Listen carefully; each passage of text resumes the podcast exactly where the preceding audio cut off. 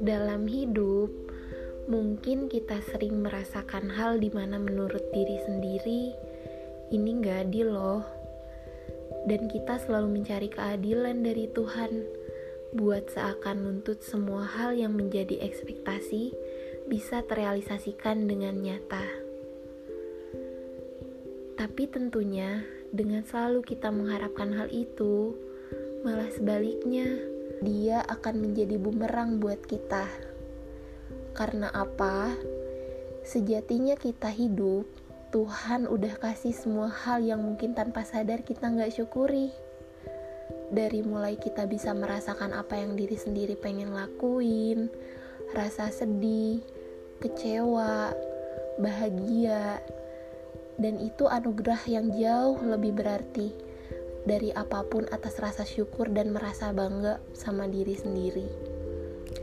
Self love adalah obat yang paling luar biasa yang aku rasakan saat ini. Karena rasa ada untuk kita rasakan.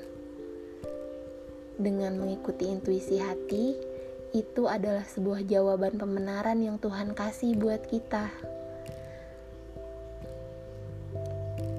Berawal dari luka, Tuhan kasih hadiah kecil di dalamnya ternyata sebuah rasa syukur dan selalu ngerasa cukup dengan apa yang kita punya. Itu mungkin hal yang dia pengen sampaikan sama kita. Cuma kadang terlalu melihat jauh ke atas ketimbang ke depan bahwa semua jawaban itu ada tepat di depan mata.